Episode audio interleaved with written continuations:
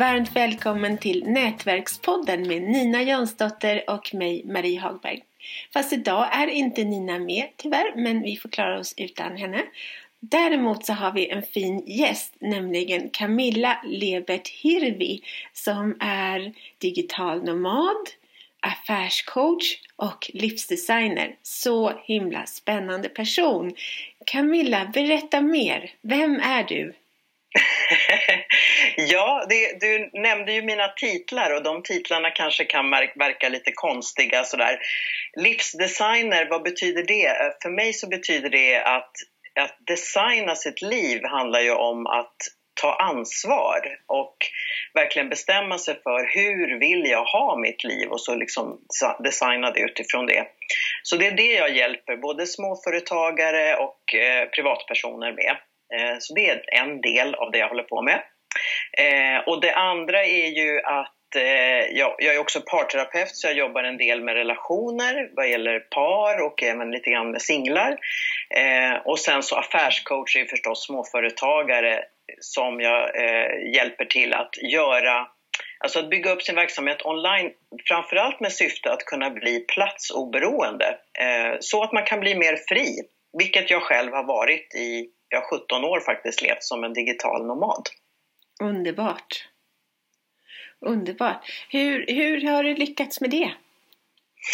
Ja, eh, det jag lyckades med det egentligen, för 17 år sedan så, så blev det en sån här krasch i, i vår familj och vi eh, lämnade allt, ett helt vanligt Stockholmsliv mitt i karriären och mitt i husbygge och alltihopa. Så att det blev ju en, en väldigt stor omställning där vi fick skala av hela vår identitet och börja om från början. Och vi gjorde ju det genom att flytta till Thailand med vår då sexåriga dotter. Där började vi ju med att driva en del verksamheter på plats i Thailand. Så, så då var jag egentligen lite platsbunden fast jag var utlandsboende. Eh, men vad ska jag säga, din fråga hur lyckades vi med det var ju att vi faktiskt började med någonting som inte hette blogg på den tiden men vi började med en reseberättelse där vi beskrev allt det vi var med om i den här stora förändringen vi gjorde. Ehm, och det var våra vänner och bekanta först som läste den och sen spred de det vidare och sen blev det bekantas bekantas bekanta och det blev större och större. Men gud, vilka snälla personer! ja, precis. Och det var, ju, alltså det var ju innan det fanns bloggar, men egentligen var det som en sorts blogg, fast det var en sån här Yahoo-sida, tror jag det var, som fanns på den tiden. Mm. Så att det, det var ganska roligt, för att det var en... Det är klart, vi hade ju en speciell historia av att vi verkligen hade brutit loss från ett ganska vanligt liv i, i Sverige till att helt släppa taget och skala av allting. Och det var ju många som var intresserade av att höra hur det gick för oss. Mm. Vad, vad, är, vad är din framgångshistoria? Eller alltså, hur, hur har du lyckats så här bra? Jag menar 17 år, det är ju enormt imponerande. Ja, alltså egentligen så är det nog faktiskt det viktigaste är följa flödet. Jag var ju innan dess en otroligt målinriktad person och kunde sätta upp ett mål och se till att nå det. Och så att säga lite på det här gamla västerländska sättet kämpa sig mot sitt mål och oavsett hinder så ska man kämpa sig igenom det. Eh, och nu sen jag gjorde den här förändringen så har istället saker och ting gått mycket lättare. Eh, jag har försökt följa den enkla vägen, om vi ska säga det lite mer filosofiskt. Eh, att, att det som inte är motstånd, och har varit tydlig med att så fort jag känner att det är ett motstånd, att också backa. Det kan vara ett samarbete som jag tänker mig rent på pappret ser väldigt bra ut men sen så känns det bara inte rätt och jag kan inte riktigt svara på varför. Att då våga backa från det. Det är en del av det hela. Det andra är rent praktiskt att förstås alltid i alla lägen berätta vem jag är och vad jag gör. Ehm, även om den framför mig inte alls är intresserad av, av att köpa mina tjänster eller göra någonting eh, tillsammans med mig. Men de kanske i sin tur kommer berätta det här vidare för någon annan som är det. Vad va smart drag! Ja. Är det så det. Ja, säg. Det hänger ju egentligen ihop med att jag tror att eh, när man är en, en småföretagare eller egenföretagare ensam så är det ju jag som är företaget och det är ju mötet med mig som är det viktiga. Hur har du byggt ditt varumärke? Ja, eh, egentligen så är det ju dels som jag sa att, att alltid presentera mig, alltid berätta vem jag är, ha min, jag kallar det för cocktailpresentation, andra kallar för hisspresentation, att, jag, att vara tydlig med vem jag är. Sen har jag använt media väldigt mycket faktiskt för att vi startade ju en, en svensk utlandsskola, den första svenska utlandsskolan i Thailand och det blev första uppstarten till att många journalister började komma till oss och ville skriva om den här skolan och det spred sig väldigt snabbt. Lärde mig hur man kan, hur man kan eh, använda media för att föra ut sitt budskap egentligen, eh, för att nå ut. Ja, hur, hur har det gått? Alltså, vad, hur, vad har det gett för effekt att du har, av att synas mycket i media? Det har gett jättestor effekt. Eh, jag tycker att den viktigaste effekten är egentligen trovärdighet. Att, eh, att jag har suttit i morgonsofforna eller varit med på Malou efter tio eller varit med i alla stora dagstidningar eller magasin, det gör ju förstås att, att det, att det eh, ger en trovärdighet. Mm. Mm. vad, har du för marknadsföringstips?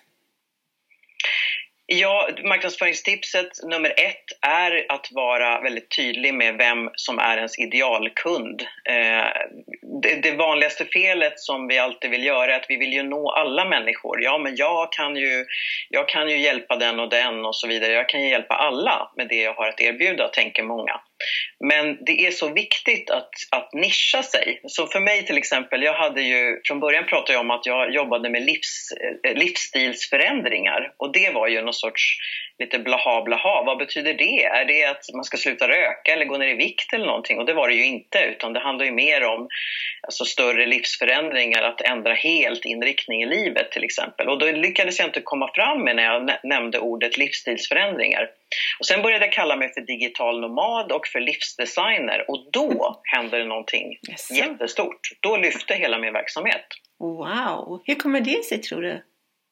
Därför att då blev jag tydlig och jag stack ut och eh, hade hittat min nisch och det som var det viktiga. Jag kunde förklara det med en titel eller en mening eller ett ord eh, och då, då lockade det just min idealkund. Och min idealkund är de som längtar efter mer frihet i livet, att kunna jobba när som helst, var som helst och hur som helst egentligen med vad som helst. Och det, det är de som är, är min idealkund och då då lyckades jag nå ut till dem bättre.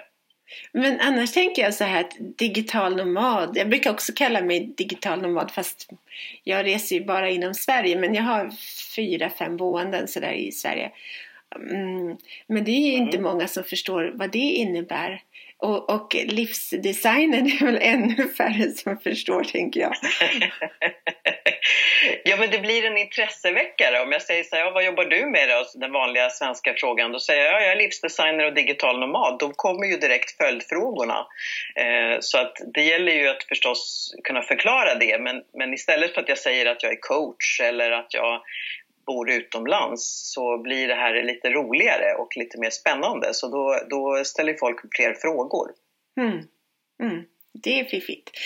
Och jag måste ju förresten, apropå, ehm, jag hoppar från ena ämnet till andra. Men jag är så nyfiken, var befinner du dig just nu?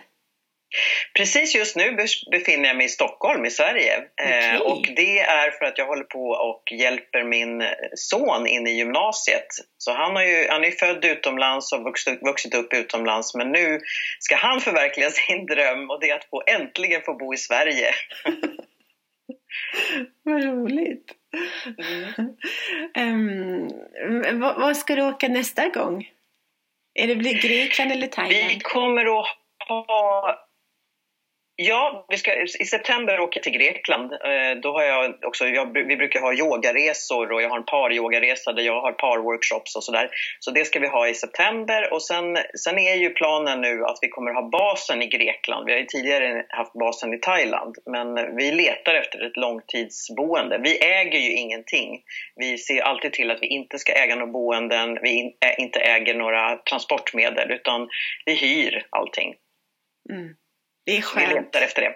Ja. ja. Mm. Och nätverkstips. När du som reser så mycket och sådär hela tiden, då måste ju du bli en stjärna på att nätverka. Vilka är dina bästa nätverkstips? Ja, det är egentligen att ta kontakt eh, med människor. Det, det, är det vanliga, att, att eh, alltid kunna prata med varandra, att alltid... Det, det är också inte, inte bara att jag ska presentera mig, utan att det finns så mycket att lära av varandra. Egentligen bara vara öppen för nya kontakter. Och det är mycket lättare också utomlands, om, om jag tänker med svenskar eller andra västerlänningar, men framförallt svenskar som ju är mina eh, kunder, Eh, vi är ofta mycket öppnare och eh, redo för nya kontakter också när vi är utomlands. Så, för mig är det tror jag, enklare egentligen att skapa nya kontakter på, ny, på utomlands än vad det är i Sverige. Mm -hmm. Hur kommer det sig? Ja, men alla är avslappnade, man kanske är på semester eller bor lång tid någonstans och är öppna för att träffa helt nya människor. I Sverige är vi ganska traditionella. Vi umgås med våra gamla gymnasiekompisar som vi alltid har haft eller sådana som vi, vi liksom umgåtts med länge och är, har inte riktigt tid att föra in nya människor i vårt liv människor som bor utomlands har mycket mer möjligheter och tid att, att släppa in helt nya människor och kanske börja umgås med sådana som man aldrig skulle umgås med om man bodde i Sverige. Mm. Mm. Mm. Ja, det är sant. Jag, jag, alltså jag tycker om att prata med folk. Jag älskar folk bara. Om, de bara. om det är någon som frågar mig efter närmaste brevlåda eller sådär, blir jag jätteglad. Precis.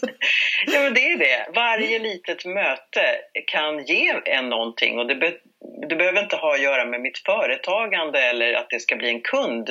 Men det kanske ger mig en annan kontakt som i sin tur hjälper oss med ett boende eller, alltså, eller vi kan hjälpa dem med någonting och i sin tur kommer någonting annat tillbaka. Så att alltid se varje möte som någonting spännande, unikt och som, som eh, kan ge mig någonting eller att jag kan ge en gåva till någon annan. Ja, jag har en kompis, jag blev så imponerad av henne och hon för jag, jag, såg henne i aktion när hon höll på att nätverka. Vi satt i något väntrum eller något sånt där.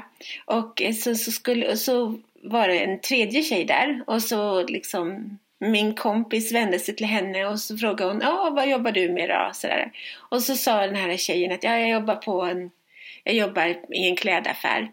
Och då och liksom och, och hon tänkte att ja, men det är ju inget intressant att prata om och det riktigt lyste om henne att ja, men det är ju verkligen ingenting att prata om och jag är ju inte intressant och liksom sådär.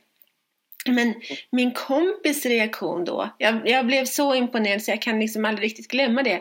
Då började hon istället, ja men vad intressant. Och, och var någonstans, vilken butik och hur skiljer sig kunderna där i den butiken från andra butiker. Och, och det fick den här tjejen att blomma upp så. Jag tror aldrig hon hade sett, känt sig så sedd som Just den gången. Ja. Precis, och det, det är exakt så. För det handlar ju om att Alltså, I och med att jag jobbar som coach och, och har coachutbildningar så lär jag ut det coachande förhållningssättet. Och det handlar ju om att alltid ställa öppna frågor. För det finns alltid någonting spännande att lära. Exakt så som, som hon gjorde är ju suveränt. Eh, att ställa bara öppna frågor så alla har någonting unikt att berätta. Ja, ja. ja och visa intresse, det tror jag är... Vi är mm. så ovana vid det. Mm. Och bara en sista fråga innan tiden rinner ut. Vad är ditt nästa mål? Mitt nästa mål är att skriva klart min bok.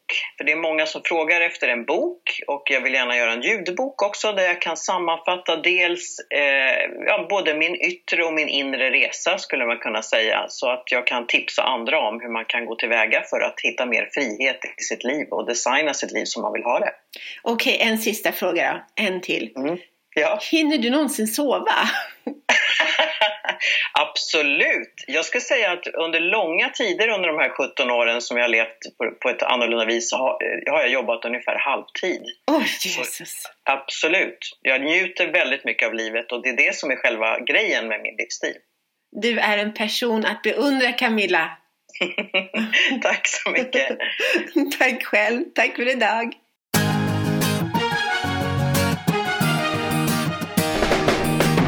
Tack för att du har lyssnat på Nätverkspodden om nätverkande, PR och marknadsföring.